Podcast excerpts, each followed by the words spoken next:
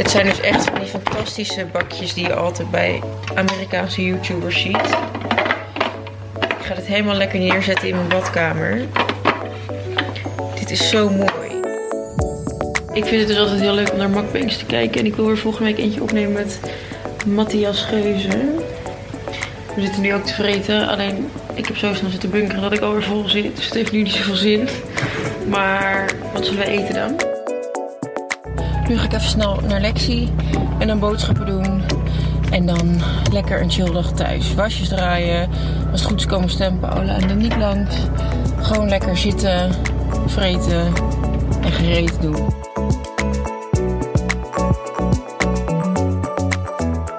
De laatste vlog van Monica Geuze voelde alsof ik een planetarium bezocht.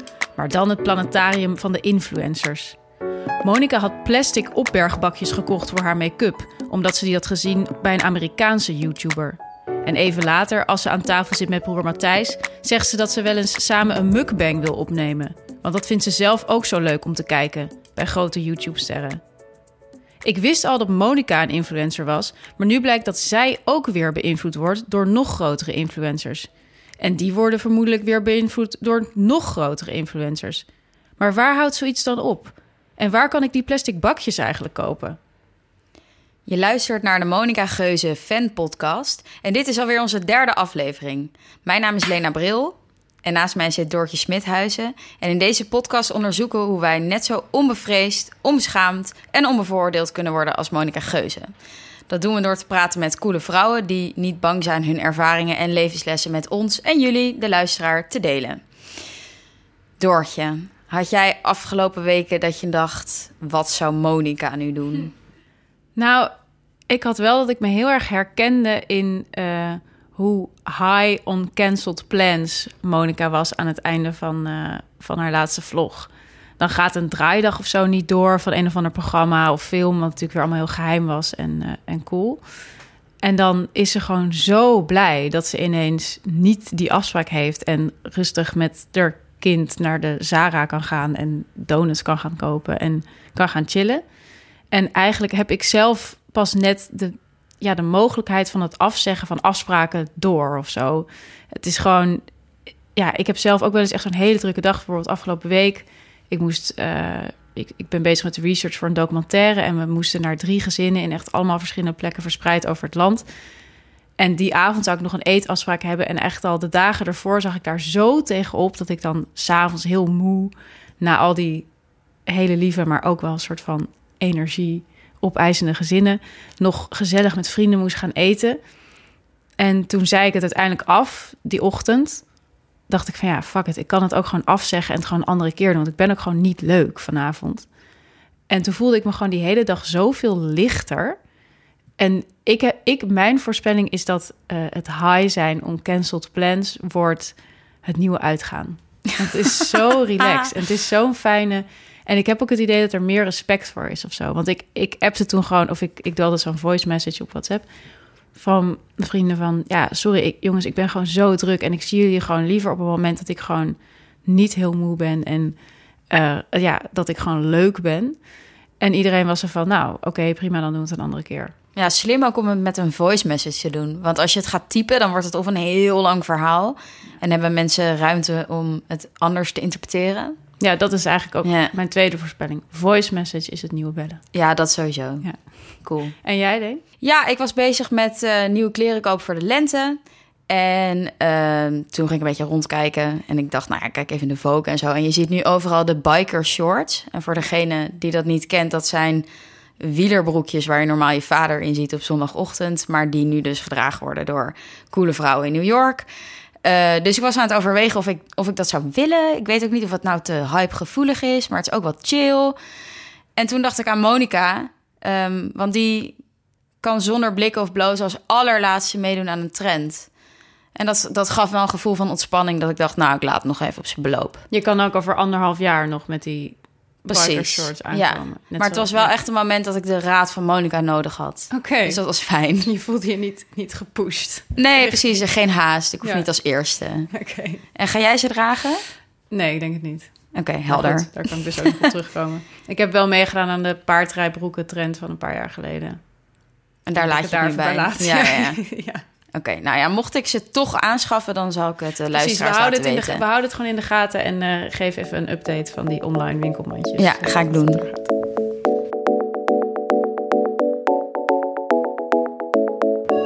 hey, ja, en ehm, Tatjana, jij bent onze gast deze keer. Ja, Kijk leuk. jij eigenlijk wel eens eh, naar Monica? Ja, ik ben, daar, ik ben heel erg laat met vlogs begonnen of zo, om kijken. Eh, dus ik kijk er eigenlijk pas sinds ze zwanger is, volgens mij. En nu heeft ze natuurlijk een kind gekregen. Ehm, en volgens mij vinden jullie al die kinderstukjes heel irritant, maar ik vind dat heel leuk. en ehm, ja, Het is een beetje een shotje endorfine dat je kan kijken naar andermans baby's. Ja, ik weet niet wat Ja, het is. Niet dat, dat ik nu per se een kind wil, maar ik vind dat gewoon. Ik vind het ook interessant, omdat ze natuurlijk alles van hun kinderen laten, of alles, maar heel veel laten zien. Ehm, en ik heb daar niet per se een mening over, maar ik vind dat gewoon wel intrigerend of zo. Ja. Wat vind je dan leuk om te zien? Nou, ik vind sowieso haar baby echt te schattig en knap. Dus ik weet het niet, ik vind dat kind gewoon. En ik vind het. Ik vind haar dus best wel, hoe ze overkomt, een goede moeder. En ik weet niet of ik dat had verwacht. Je hebt toch dan, ze is natuurlijk best wel jong en ook veel shit over haar in de media gezien of zo, dat ze gewoon niet echt heel serieus was. En opeens krijgt zij dan, of opeens is zij een verwachting krijgt ze een kind. En ik vind het gewoon er wel heel lief overkomen en eh, ja, best wel wijs of zo soms. Ja, relaxed is ook. Ja. dat bewonder ja, ik altijd heel erg. Ja. Ja, en, en, en hoe is het dan voor jou om naar eh, van die fases van haar te kijken waarin ze heel veel sport of heel, heel, heel bezig is met eten? Is dat. eh, Nou, wat ik, en dat is daar is echt niet een uitzondering op, maar wat ik wel bij vrouwen als zij heel irritant vind, is dat zij zichzelf dus echt moddervet noemt. Terwijl ze een maat 38, 40 heeft, geloof ik. Nou, dan ben je natuurlijk echt niet moddervet. En eh, ik, vind, ik word niet per se getriggerd als zij heel veel sport of als ze een gezonde fase heeft. Denk ik op zich, nou, good for you als jij je daar goed bij voelt. Alleen ik vind het wel heel interessant om te zien dat het, dat het lijkt alsof ze wel weer zichzelf in een soort van mal wil plaatsen of zo van nou ja, weet ik veel, richting maat 34. Dat ik denk, waarom moet iedereen daar naartoe, weet Ja. je wel? En dat vind ik gewoon ergens ook zonde, maar ook een beetje irritant. Ja, want jij, jij houdt je wel veel bezig met dat soort mallen, volgens mij. Misschien Ja. is het leuk als je even vertelt over jezelf en je boek en hoe je daartoe bent gekomen om dat te schrijven. Eh, ja, ik heb dus net mijn boek afgerond. Dat heet Knap voor een dik meisje. Het gaat vandaag naar de drukker. Ja, het gaat net. vandaag naar de drukker en het verschijnt 9 april. En ehm, ja, basically gaat het boek over hoe het is om dik te zijn in een maatschappij waar dun zijn de norm is. Ik ben zelf dus ook dik, eigenlijk al mijn hele leven geweest. En niet zo 5 kilo overgewicht, maar echt wel dik, dik. En ehm, nou ja, waarom ik dit boek heb geschreven is omdat ik, me altijd daar heel erg voor geschaamd. Altijd soort van me willen verschuilen. En ook echt niet mezelf dik noemen bijvoorbeeld. En ook niet willen dat mensen dat deden. Maar iedereen was daar wel erg op gefocust. Dat is natuurlijk wel de wereld waar we in leven. Dat het heel erg gaat om je moet afvallen of je moet dun zijn. Dat is een soort van het hoogst haalbare. Of dat is ook gewoon de norm. Dus dat is ja, wat normaal is. En als je daar dus van afwijkt, dan ben je gewoon niet goed. En dat heb ik altijd soort van bewust en onbewust meegekregen. En ook altijd gedacht van ik moet afvallen. Nou, op een gegeven moment was ik heel veel afgevallen. En toen merkte ik eigenlijk dat ik... eh, ik had altijd een soort van utopisch beeld van als ik eenmaal ben afgevallen, dan gaat mijn leven echt beginnen. En dan word ik gelukkig en beter in mijn vel. En dat gebeurde niet zoals ik dat had gedacht of had gehoopt. En toen is er bij mij best wel veel ja, het heeft ook wel jaren geduurd, maar is op een gegeven moment wel een switch gekomen van oké, wat vak. Ik ben toen ook weer een groot deel aangekomen van het gewicht. Ehm, er moet gewoon iets ja, mentaal veranderen. En toen ben ik wel heel erg inderdaad ook gaan kijken, ook best wel kritisch gaan kijken van oké, hoe zit het dus in onze cultuur? Dat hele idee verweven van we moeten allemaal maar dun zijn. En als je dat niet bent, dan hoor je er eigenlijk niet bij. Of dan mag je niet meedoen met heel veel dingen of zo. Dat is ook allemaal heel erg onbewust. Dus niet dat er letterlijk iemand tegen je zegt natuurlijk van... hé, hey, jij bent dik, eh, ga je, maar verschuilen. Je mag ja. niet meedoen met dit en dit. Maar nou, dat heb ik wel zo ervaren. En met mij heel veel andere vrouwen. En daar begon eigenlijk het idee voor dit boek... dat ik op een gegeven moment... ook doordat die, zullen we vast ook nog over praten... maar die body positivity beweging... opeens ook best wel in Nederland... eh, ja, ontstond of vanuit Amerika werd overgenomen.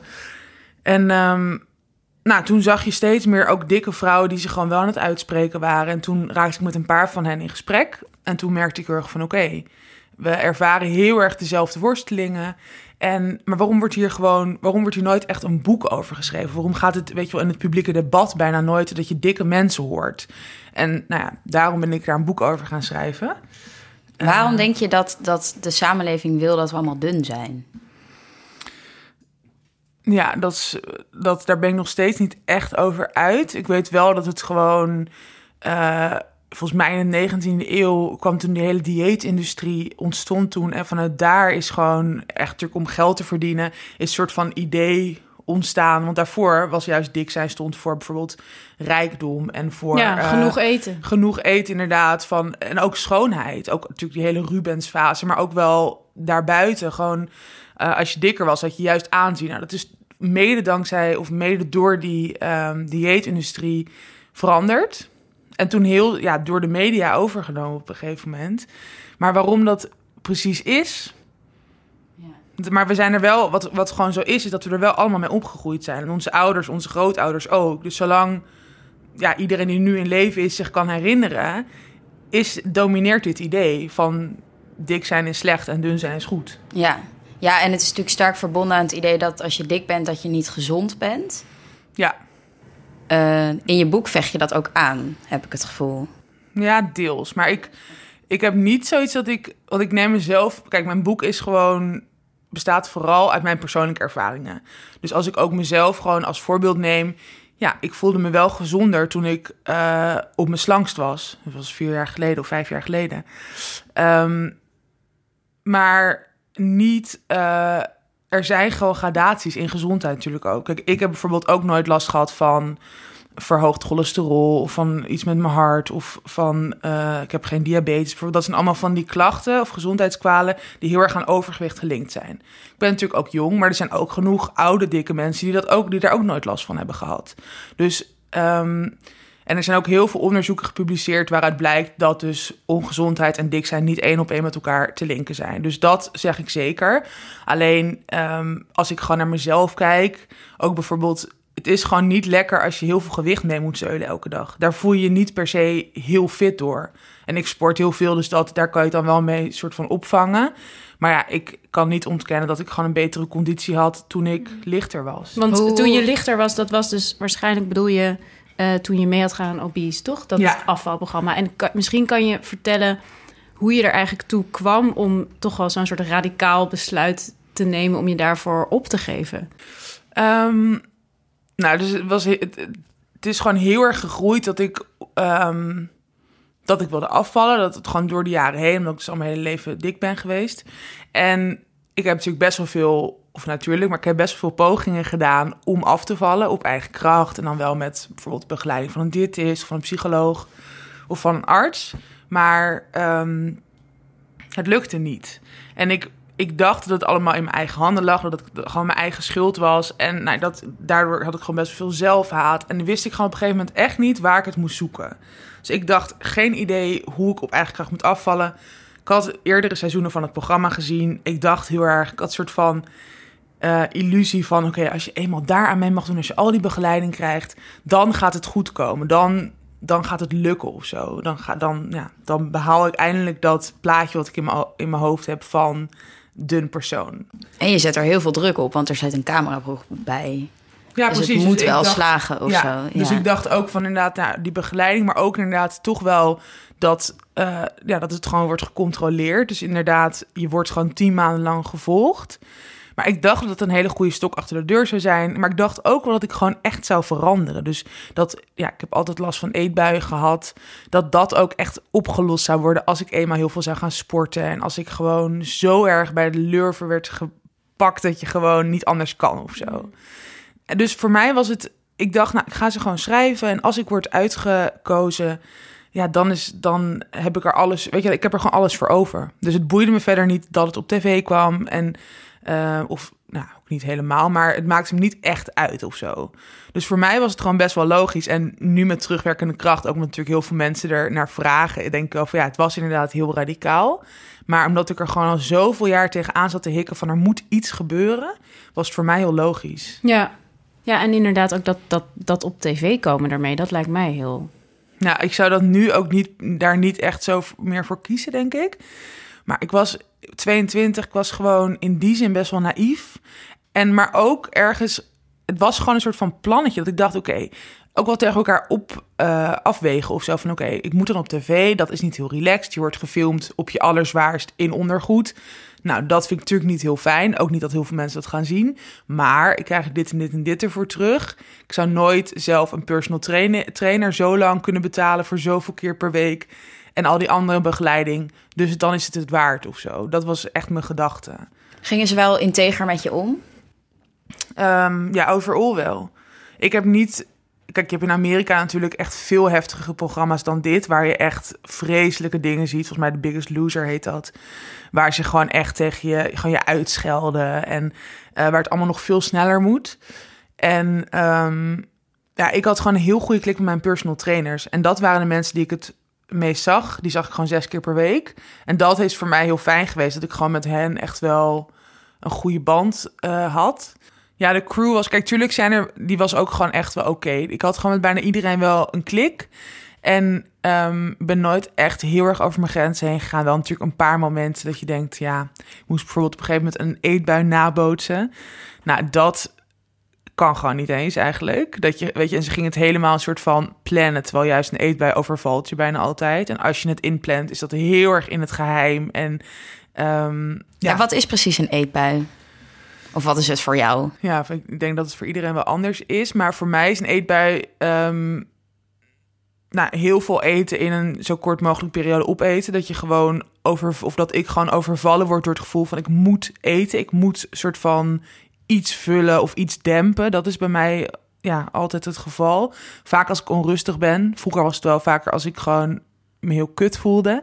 En dat begon zo in mijn jeugd. Maar als ik nu nog een eetbui heb, is het echt omdat ik onrustig ben. Dat ik gewoon niet genoeg tijd voor mezelf neem. Of dat ik gewoon, ja, dat. Kan je je de eerste eetbui nog herinneren?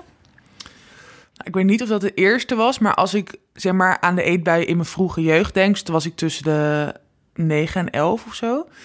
Toen uh, was het, nou, het begon heel erg dat ik gewoon naar beneden sloop als mijn ouders of al sliepen of nog aan het werk waren of zo. En dat ik gewoon in een donker lege kamer uh, heel zachtjes de koelkast opende en echt in het licht van de koelkast at wat ik kon vinden.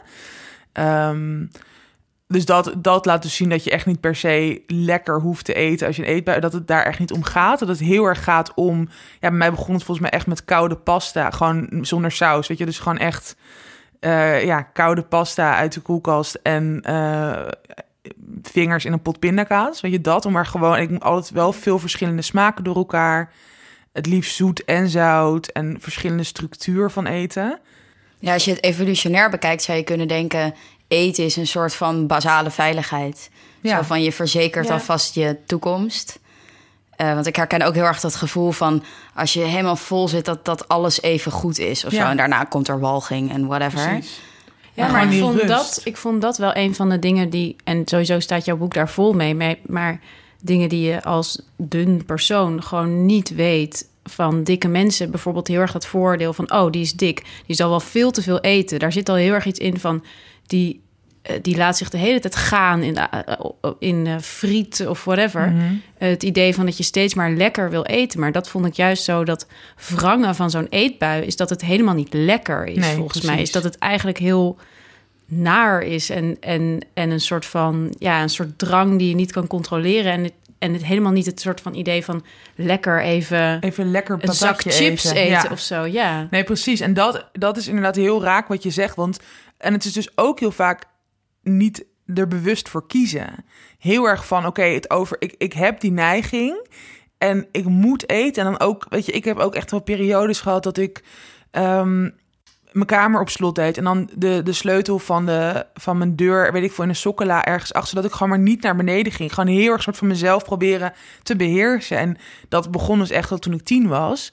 Maar dat het gewoon niet lukt of zo. Dat er gewoon iets in je zit. Nou, en wordt gelukkig tegenwoordig echt wel ook als een, uh, nou, als een ziekte eigenlijk benaderd. Wat ik ergens, ja, of als een eetprobleem. Maar ja. dat is natuurlijk een ziektebeeld eigenlijk. Nou ja, ook echt als een verslaving, toch? Je ja. hebt bij de Jellyneck ook uh, Overeaters Anonymous, ja. toch? Ja. En het lastige aan een eetverslaving is dat je niet helemaal kan stoppen ja, met eten. Dat is heel anders dan met roken of alcohol of drugs. Ja, dat, dat kan je uitbannen uit je leven, maar je moet eten. Dus eigenlijk moet je ook niet leren om niet te eten, maar je moet leren hoe je wel moet eten. Ja, een dat ander is soort heel manier. lastig. inderdaad, Ja.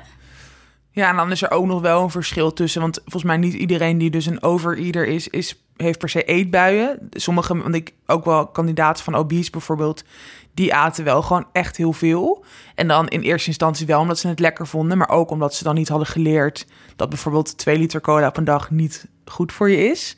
Dus Ja. daar zit ook nog, daar zit wel een verschil natuurlijk. Maar ja, bij mij was echt het grootste probleem die eetbuien. En het is zo'n zelfversterkend effect, want je voelt je zo niet autonoom op dat moment. En dan die zelfhaat Ja. en continu jezelf straf over dat het weer mis is gegaan. Ga je Wat ook alleen eten. maar zorgt dat je, Ja. dat je zelfbeeld nog lager wordt. Ja. Ja, want is, is zo'n is zo'n eetbui ook een vorm van eh, jezelf straffen, zeg maar? Is het een vorm van, ja, is het, Ja, heeft- zelfkastijding op een bepaalde manier? Nou ja, wel als je dus in die vicieuze cirkel terechtkomt, wat Lena inderdaad net zei. En ik denk dat iedereen daarin terechtkomt als je eenmaal die eetbuien hebt. Dat je gewoon, dat je zelfbeeld inderdaad heel laag wordt. Waardoor je denkt, nou je kan toch niks, sukkel, ga dan maar weer eten. Weet je, zo gedacht. En dat is natuurlijk wel straffen, want je wilt het helemaal niet. Ik had al heel vroeg, ook inderdaad in mijn jeugd, ik dacht... Waarom doe ik dit? Ik wil het niet, ik voel me er niet beter door. Maar toch, ja, Speelde het ook mee dat je ouders bepaalde snoep en zo verboden? Of speelde dat niet mee? Ja, dat speelde ze wel mee. Mijn ouders die hadden een natuurvoedingswinkel in mijn jeugd.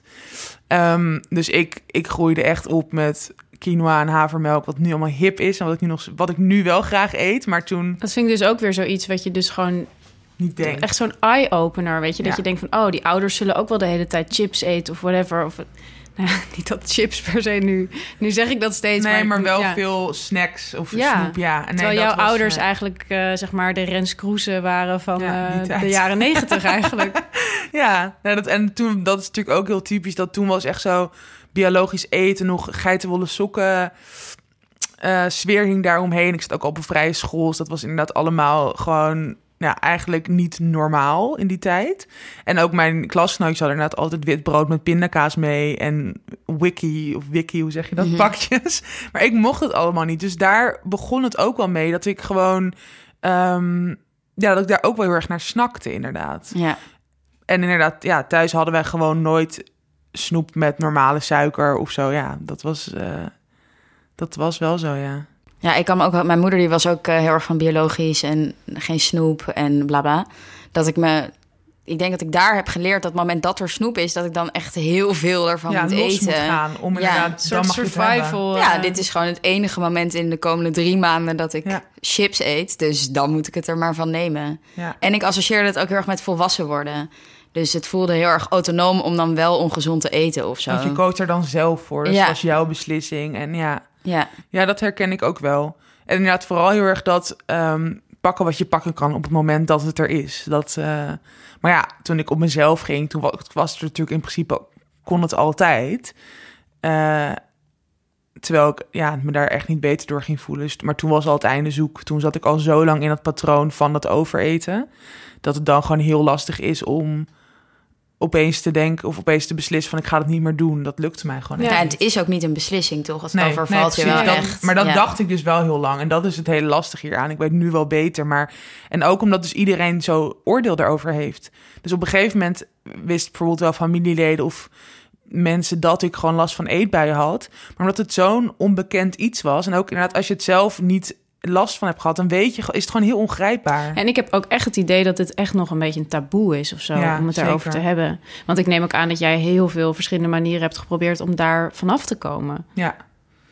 Ja, maar dus wel. Dat, ik bedoel, dat staat ook in je boek, van de ene naar de andere kliniek. En eh, ja, ja. ja. Ja. En, maar zelfs die specialisten, die wisten dus ook heel vaak niet wat ze er echt mee aan moesten.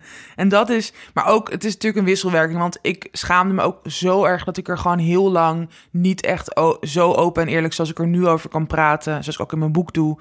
Dat heeft echt heel lang geduurd voordat ik het op deze manier kon. Echt tot na obese. Maar ik ben wel inderdaad, toen ik 21 was of zo, naar een soort eet, ja, eetstoornissenkliniek gegaan. Nou, daar hebben ze natuurlijk heel veel ervaring erin daar lukte het ook niet om er echt Ja. bij de kern te komen. Dus dat is gewoon. Is Ja. de boodschap dan altijd dat eh, jouw handelen het veroorzaakt? Zo van gewoon meer bewegen, minder eten. Nou, op die plek dan niet, omdat ze daar natuurlijk wel... Ja, daar kwamen gewoon allerlei mensen die gewoon op de een of andere manier... een lastige relatie met eten hadden. Dus daar waren ze wel ja, minder oordelend wat dat betreft. Maar bij alle andere specialisten wel. Dus als ik gewoon naar een diëtist ging, als ik naar een, ook weet ik veel, in ziekenhuizen naar artsen ging of naar psychologen.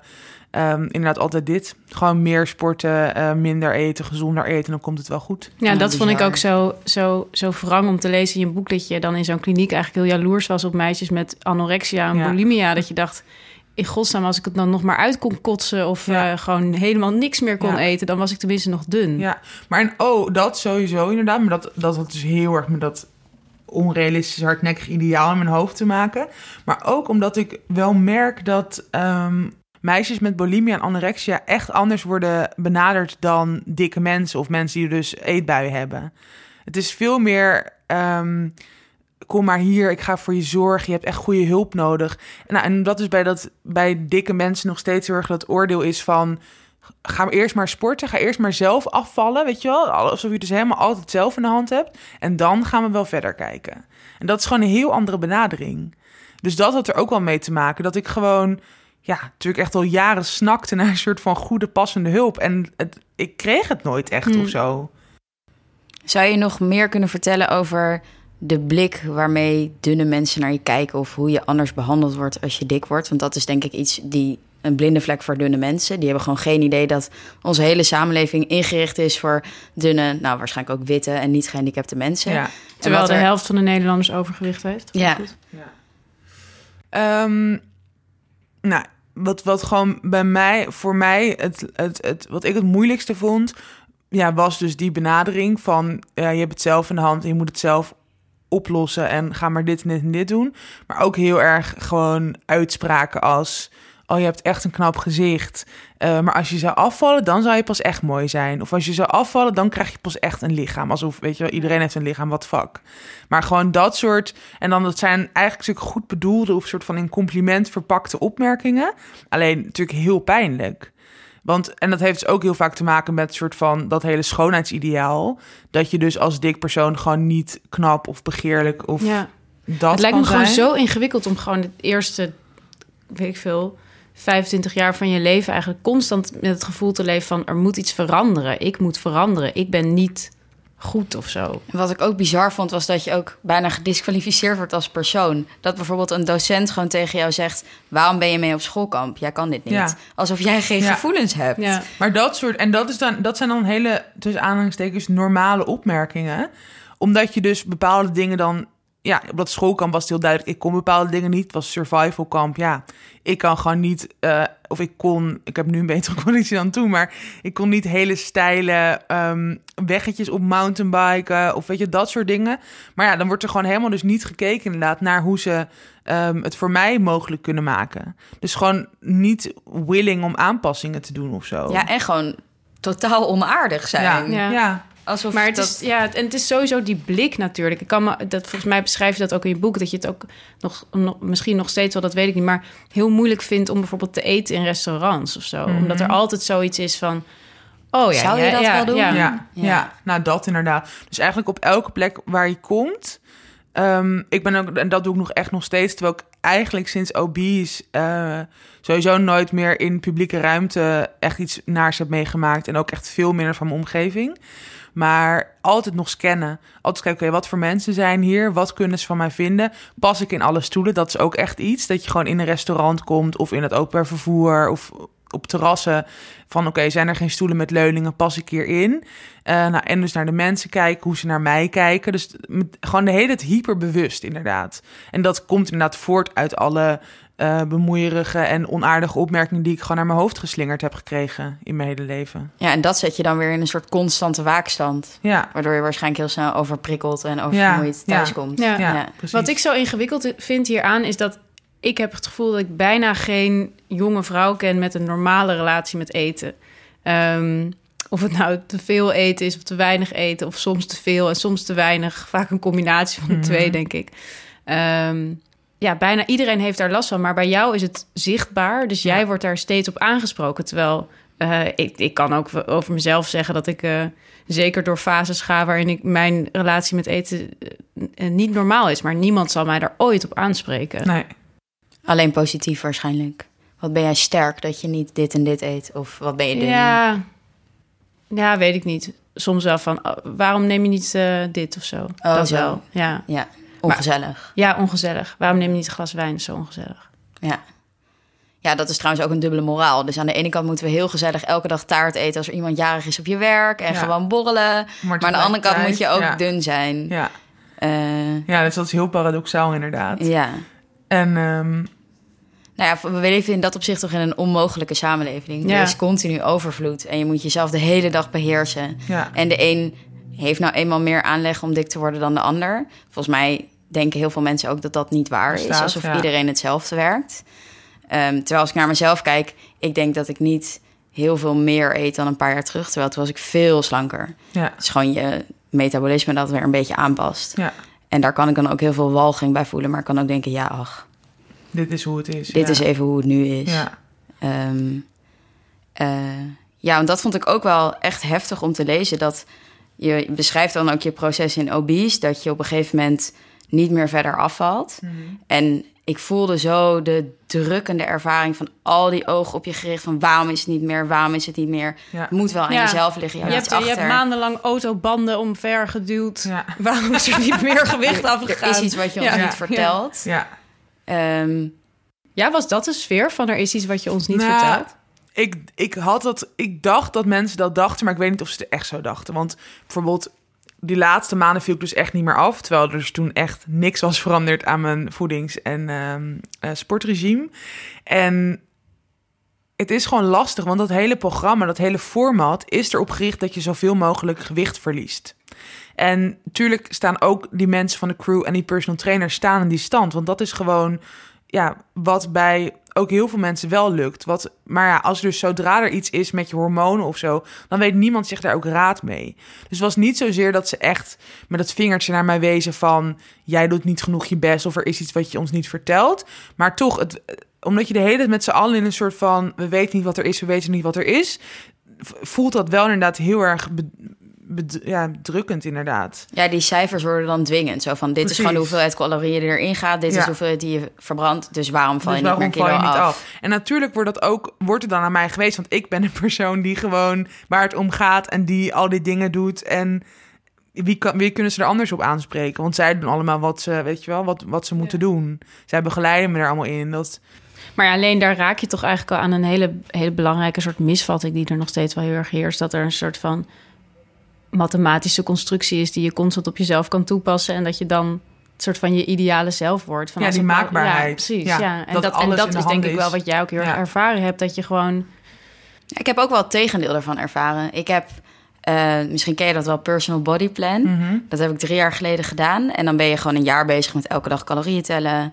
Dat is een Eh, app, toch? Ja, en ik had een personal coach. En je moet eh, je maat opnemen. En, je, En die zie je dan via die app? Ja. Oké. En eh, je moet... Maar het is geen robot. Nee, nee, het is een echt persoon. Ik heb echt contact met haar gehad. Ik heb haar ook gevolgd op Instagram. cool. Eh, en bij mij, ja, er gebeurde wel precies wat er voorspeld werd. Van, mijn spiermassa nam toe, mijn vetmassa nam af. Eh, nou, dat voelde allemaal super... En je werd veel gelukkiger. nee, want je, je maatstaf wordt steeds hoger. Dus Ja. ik was eigenlijk nooit tevreden. Maar ehm, volgens mij, dat beschrijf jij ook in je boek... wat er daarna gebeurt, is dat je metabolisme gewoon super in de war raakt. Ja. Dus mijn lichaam was volgens mij zo uitgehongerd op een gegeven moment.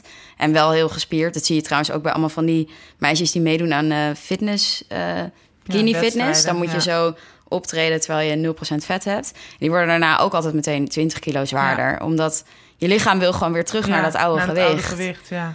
Ehm, dus ja, die maakbaarheid bestaat tot een bepaalde grens. Hmm. En dan, Nou, en het is vooral dus wat daarna gebeurt. Want het is allemaal heel erg, net zoals met zo'n bikini-wedstrijd... of wat jij dan een jaar lang doet... en dan ook waarschijnlijk met een bepaald doel... wat ik ook had met obese, vaak ook te extreem. Een te extreem doel. Want je doel bij obese was 65 kilo eraf, toch? Ja, en ik, uiteindelijk heb ik 56 kilo ben ik verloren. Dus ik had het doel ook al niet gehaald.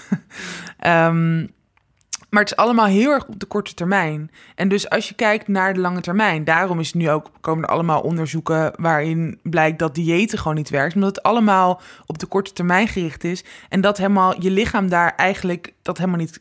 Of, als je dus daar naar lange termijn kijkt, je lichaam dat gewoon niet kan, niet volhoudt. En dat je dus allerlei hormonale problemen krijgt. En dat is eigenlijk bij iedereen zo.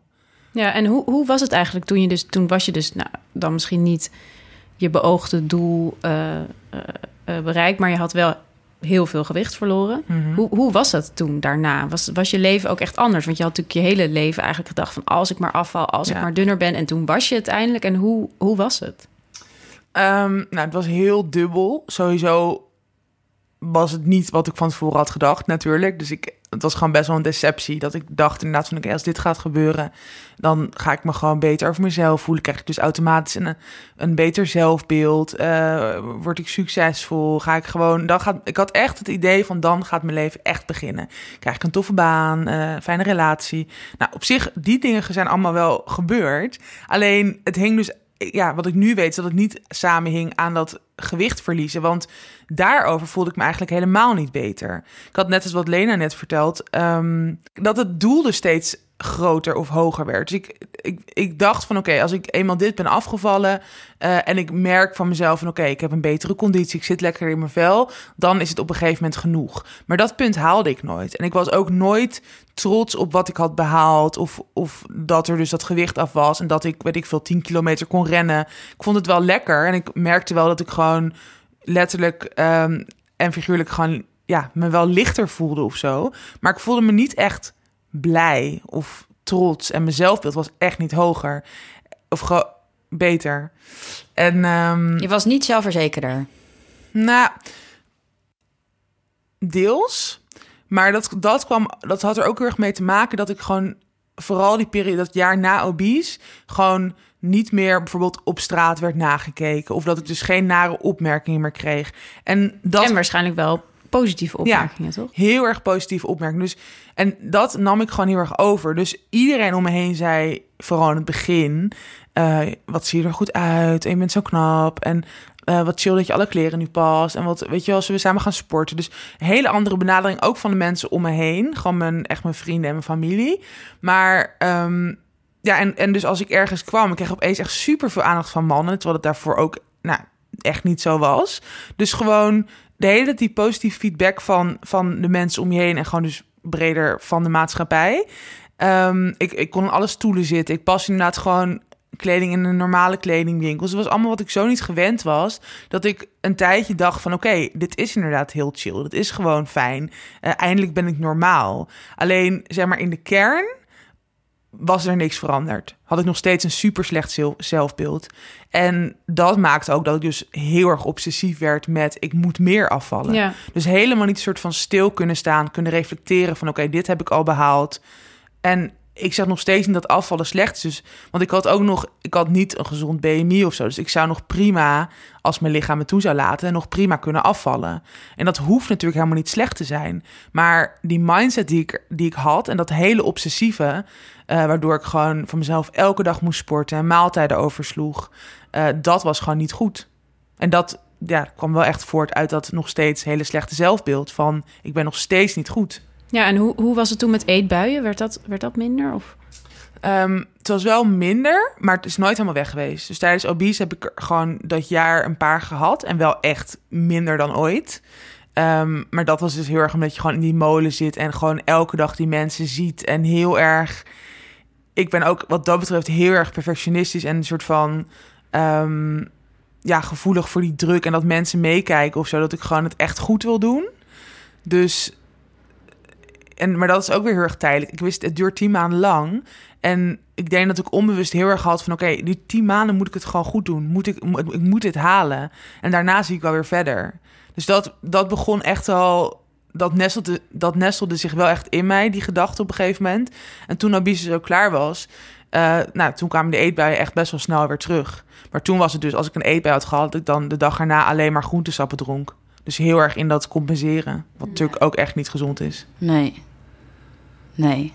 Ehm, het doet me ook denken aan een podcast van This American Life over een vrouw die ook heel veel was afgevallen en opeens het gevoel had dat ze zichtbaar was. Had je dat ook?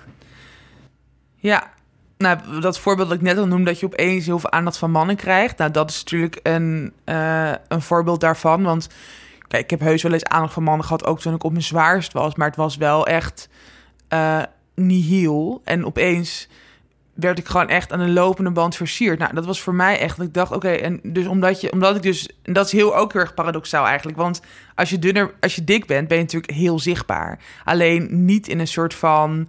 Um, ja, niet in dat schoonheidsideaal of zo. Dus dan, dan word je gewoon vaak genegeerd door hetero mannen. Toen ik zoveel was afgevallen, toen was het gewoon, was ik voor hun in hun ogen uh, knap of geil of whatever. En dus zichtbaar. En de reacties van vrouwen? Um,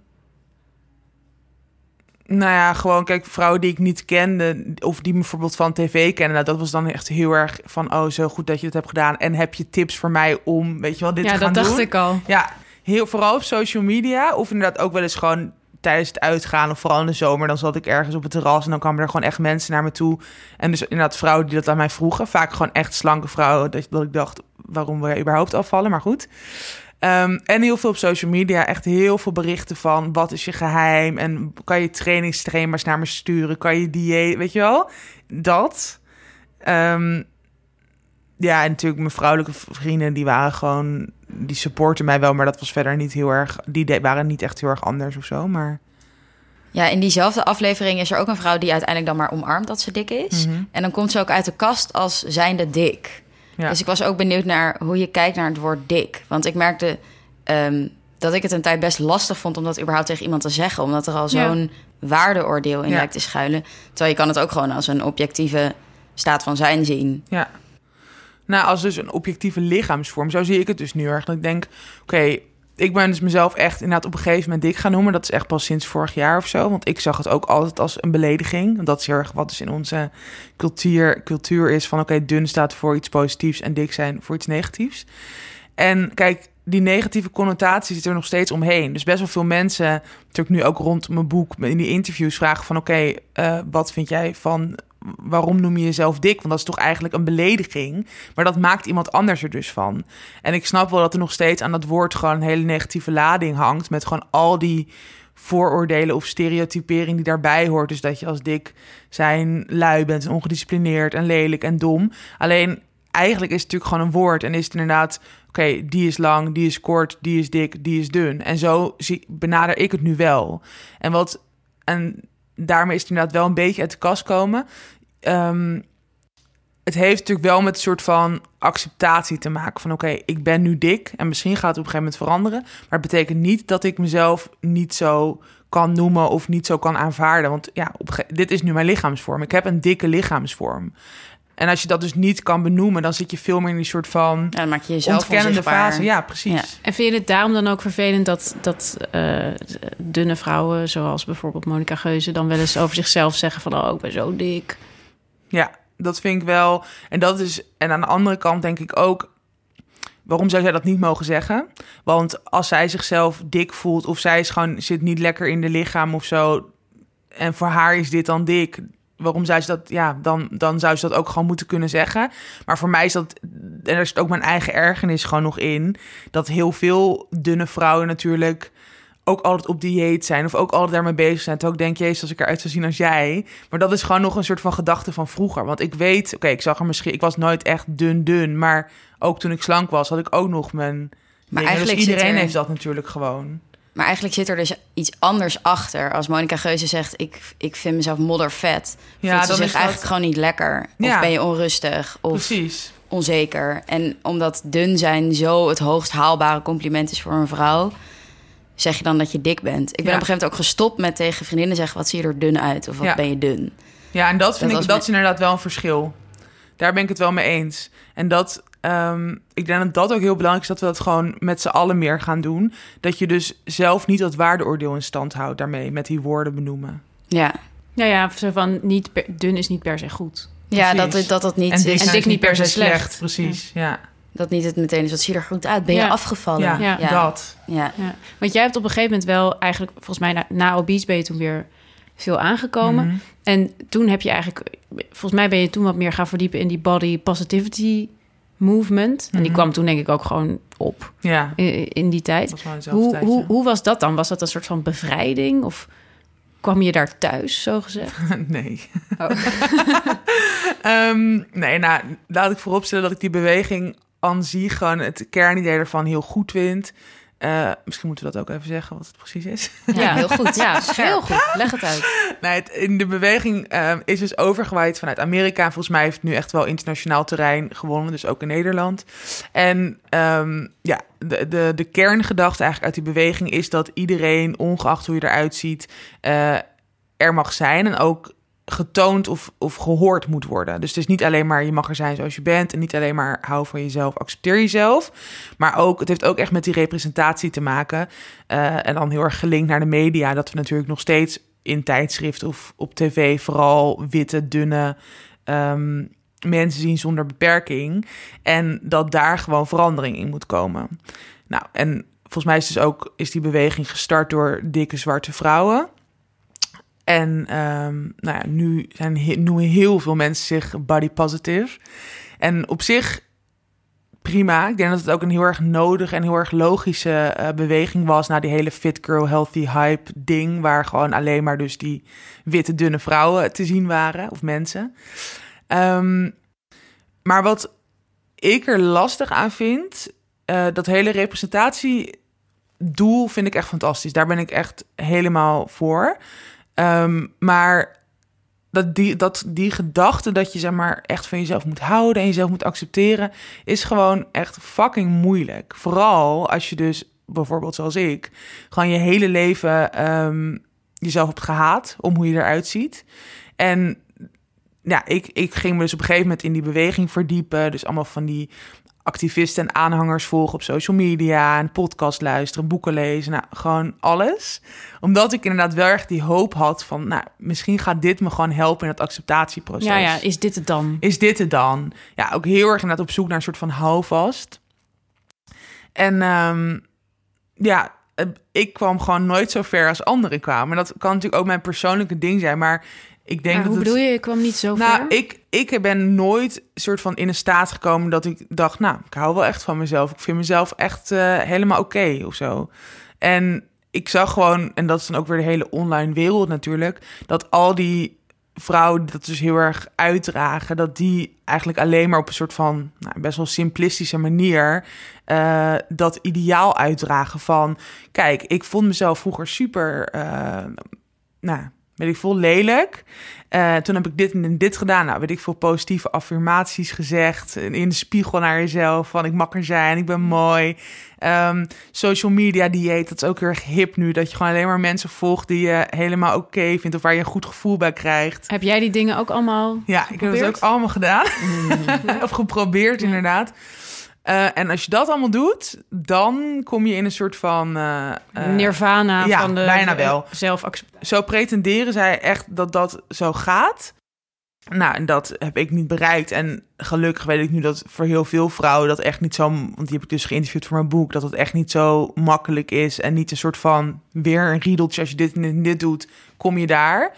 Het is gewoon vaak veel complexer. En het duurt fucking lang. En het gaat gewoon met ups en downs. Dat is natuurlijk ook logisch. Dat is ook gewoon het leven. Maar ja, dus dat, dat vind ik wel echt... ehm, ik vind dat vaak nog steeds heel erg extreem. Heel erg onrealistisch of zo. Ja, en het is ook grappig dat er weer een soort van eh, slagen en falen in Ja, besloten ligt. Precies. Heel erg weer een ideaal. En nou, net zo goed als je dus kijkt naar het uiterlijk van al die... of niet van al die body positivity eh, aanhangers. Maar er is bijvoorbeeld Ashley Graham. Dat is dus een plus-size model. Zij wordt heel vaak... of vrouwen zoals zij, hoe zij eruit ziet... hoe zij eruit zien... wordt vaak als soort van ideaal... ehm, getoond in die beweging. Of zij is dan het uithangbord daarvan. En dat, oké, zij is wel dikker dan een, een normaal model of een normale ehm mediapersoonlijkheid. Maar zij heeft nog steeds echt zo de perfecte verhoudingen. Zandlopen figuurtje, eh, hele platte buik. En weet je wel, weer, en dan is het dus weer een bepaald ideaal, wat eigenlijk ook waar we eigenlijk van af willen. Of wat, het idee is van die beweging dat je daarvan af moet. Dat er dus eh, mensen in alle maten, alle vormen en alle kleuren ehm, worden getoond. En dan de mensen die zeg maar het uithangbord zijn van die beweging... zien er allemaal alsnog heel erg uit als het westerse ideaal. Ja. Vind je, vind je dat er dan ook meer ruimte zou moeten zijn voor eh, ja, jezelf niet accepteren of zo? Of Ja, daar, daar in elk geval moeite mee hebben? Nou, wel gewoon daar eerlijk... of dat daar meer over gepraat wordt of zo. Want dat miste ik inderdaad heel erg. Kijk, ik bedoel... Good for you als je jezelf accepteert, weet je wel? Dat, tuurlijk is het, ik gun dat iedereen. Ik gun dat mezelf ook, maar... ehm, maar ik denk dat het dus voor heel veel mensen... of je nou dik of dun bent uiteindelijk... helemaal niet zo makkelijk haalbaar is. En over gewoon die hele worsteling... ja, daar wordt dan soms wel eens een keertje een post aan gewijd... maar altijd als, het, als je het alweer hebt overwonnen, weet je, heel erg dat. Dat is volgens mij ook waar, waar laatst artikel over was verschenen in de NRC... over heel erg een soort van gemaakte kwetsbaarheid. Dat je er Oh ja. pas over praat als het al opgelost is of zo. En dat is waar, waar ik nou, ook best wel voor wil pleiten. Dat we gewoon echt wel vaker die kant mogen laten zien... dat het gewoon op het moment zelf echt even niet gaat... en dat je het gewoon niet weet. Want dat is gewoon fucking menselijk. Ja, want, want hoe is dat nu voor jou? Accepteer jij jezelf nu helemaal? Want je hebt ook eh, wel eens aan me verteld dat je ook nog steeds wel wil afvallen. En ook Mhm. eigenlijk altijd nog steeds op zoek bent naar die ene manier waarop het je gaat lukken. lukt. Ja. Ehm, nou, ik vind acceptatie, dat is sowieso echt niet mijn woord of zo. Ik weet niet. Dat vind ik gewoon überhaupt. Ik denk, ik, ik, ik heb nu dat ik denk, oké, ik aanvaard mezelf gewoon. En wel, ik vind mezelf gewoon meestal gewoon best wel oké. hoe ik eruit zie en gewoon überhaupt hoe ik ben. En inderdaad, ik wil nog steeds afvallen. Maar ik denk, dat is ook iets wat ik in die body positivity beweging moeilijk vond. Dat je daar dus eigenlijk niet mag zeggen eh, dat je nog wil afvallen. Terwijl ik denk dat, zoals ik er nu in sta, ik wil gewoon afvallen omdat het voor mijn gezondheid denk ik beter is. Maar eh, niet meer per se alleen maar vanuit een soort van omdat ik het mooier vind of omdat ik een bepaalde broek wil passen of zo. Dus daar zit bij mij heel erg een verschil. En ik denk dat het dus niet per se vanuit zelfhaat is. Of Mhm. omdat je aan een bepaald ideaal wil voldoen. Ik hoef nu, ik hoef gewoon niet echt per se dun te worden. Alleen ja, wel lichter dan nu. En ik denk, dus daar zit wel echt een switch in, in mijn gedachten nu. Maar, ehm, en, en ik ben er dus ook nog gewoon echt zoeken in. Dat is inderdaad waar. En dat, maar dat vind ik dus op dit moment gewoon niet heel erg erg. En dat is al heel fijn. Dat klinkt heel goed, ja. Good for you. Je had het al heel even over die eh, sociale media diëten die nu heel populair zijn. Wij zijn daar ook een beetje een onderdeel van. Ja. Want ik probeer mijn Instagram wel beter te cureren... zodat ik leuke mensen zie waar ik blij van word. Ja. Dus ik was benieuwd of je nog een tip had. Eh, Jet van Nieuwkerk die tipte Jamie Oliver... omdat hij gewoon kookt met echte ingrediënten... en niet alleen maar En gezond. altijd blij is. En altijd blij is. en Noor tipte... Ik weet niet of Noor iets getipt heeft. Maar in ieder geval ben ik door Noor wel actiever weer Milou Delen gaan volgen. Oh ja. Want die schrijft natuurlijk veel voor Broadly. En Noor is de hoofdredacteur van Ja. Broadly. Eh, dus langzaam wordt mijn Instagram wel wat gezelliger. Ja. Ook wat activistischer, moet ik eerlijk toegeven. Dus ik vroeg me af of je nog een toevoeging had. En eh, jou en jou, deze suggestie kunnen we dan nomineren voor de eh Monica Geuze Fan Award.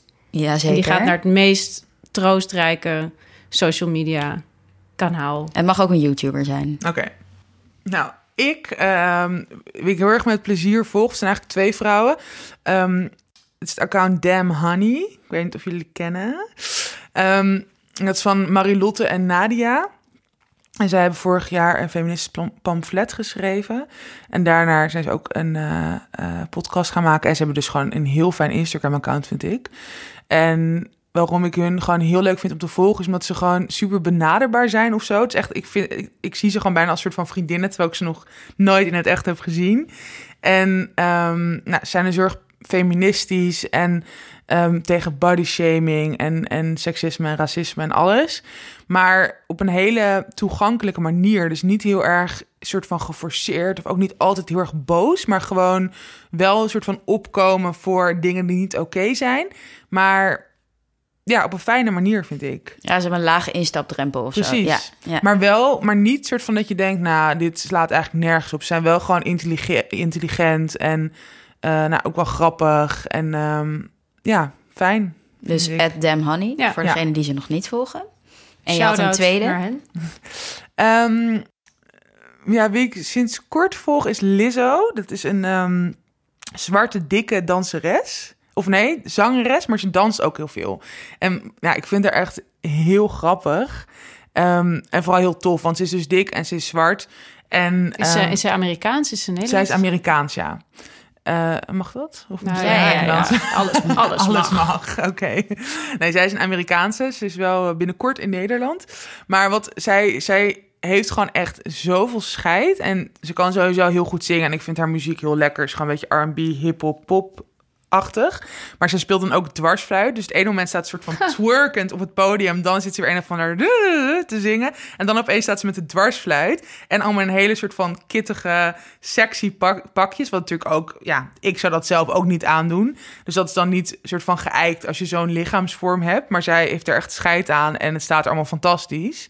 En ehm, ja, gewoon heel stoer of zo. Heel krachtige vrouw. Ed Lizzo. Cool. Ja, Oké, we gaan het ook allemaal in de Leuk. show notes zetten. Ja. En natuurlijk Ed Tatjana Mouli, toch? yes. Yes. Die kan er ook in. Nou, heb, heb jij nog vragen voor ons? Nou, nee. Oh, daar, ik heb nog één Oh. vraag. Wat, wat, eh, wat kunnen dunne mensen doen om eh, te werken aan hun blinde vlek? Ja. Ehm, ja, ik denk... Kijk, het begin is wel gewoon echt allerlei soorten ehm, mensen volgen op social media. Kijk, social media is... Iedereen zit bijna op Instagram. En daar is het gewoon... Het is gewoon allemaal lekker laagdrempelig. Je kan gewoon verschillende mensen volgen. Je ziet verschillende... ehm, ja, je ziet hen, je ziet waar ze het over, over praten. Inderdaad, ik volg gewoon inderdaad best wel graag activistische accounts... omdat ze het dan ook echt ergens over hebben. Ik denk dat dat gewoon een goed begin is. Ehm, Want jij bent daar ook wel veel mee bezig, toch? Ik bedoel, jij post heel veel over onzekerheid over je lijf of, of, of anderszins eh, ja, vooroordelen van mensen. Is dat voor jou ook belangrijk dat je soort van met veel volgers in contact bent daarover en daar reacties op krijgt? ja, het is wel gegroeid. Maar dat kwam dus ook omdat ik merkte dat er nog gewoon zoveel vooroordelen zijn. En ook dus gewoon bij mensen, oké, niet misschien bij mijn vrienden, want ik daar al langer mee over dit soort dingen praat. Maar wel gewoon bij kennissen of zo.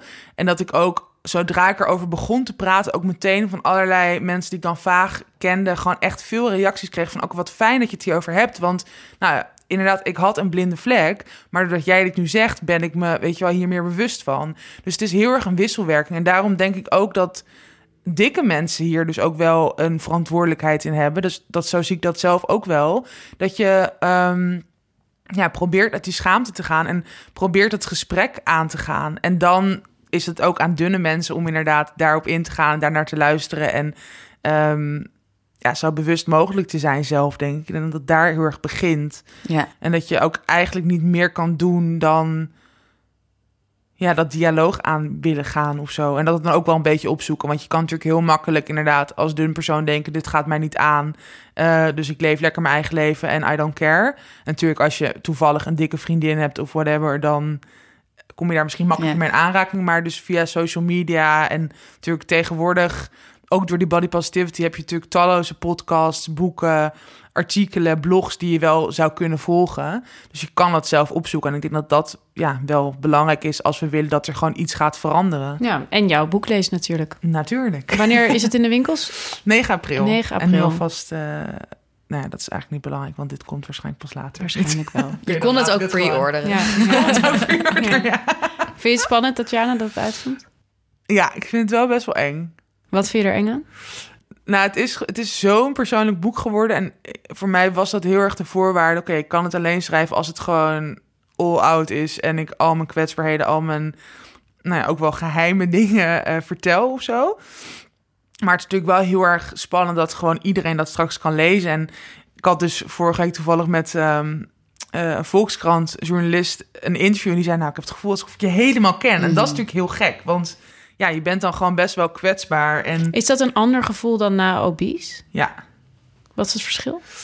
Het verschil is dat ik dit helemaal, eh, dat het helemaal vanuit mij komt. Dus obese was natuurlijk, ja, ze hadden tien maanden allerlei dingen opgenomen, maar ben daar ook niet helemaal lang niet zo open geweest als in mijn boek. En zij ehm, maken er natuurlijk een aflevering van van 45 minuten. En het is allemaal geregisseerd en het is gewoon geëdit door hen. En dit boek staat gewoon vol met alles waar, ja, wat ik heb verteld. En gewoon alles is, is gebeurd en alles is hoe ik erover denk of dacht of voelde. Dus dat is natuurlijk wel, dat is gewoon een heel groot verschil. dit ben ik echt. En dat was gewoon een deel van mij. En heel mooi opgeschreven. Dankjewel. Dankjewel dat je hier wilde zijn deze keer. Ja, en Jullie eh, bedankt. bedankt voor het luisteren. En oh ja, like en subscribe. Like en subscribe. En ook als je opbouwende kritiek hebt, laat het ons weten met een review. Staan Laat we ons, voor open. laat ons überhaupt iets mailen. Iets Ja. weten. Ja, je Mail kan ook ons. mailen naar de Monica Geuze fanpodcast at gmail.com. Ja, We wachten met smart. DM sturen. Oké. Slide in jullie DM. Ja. Precies. Yay.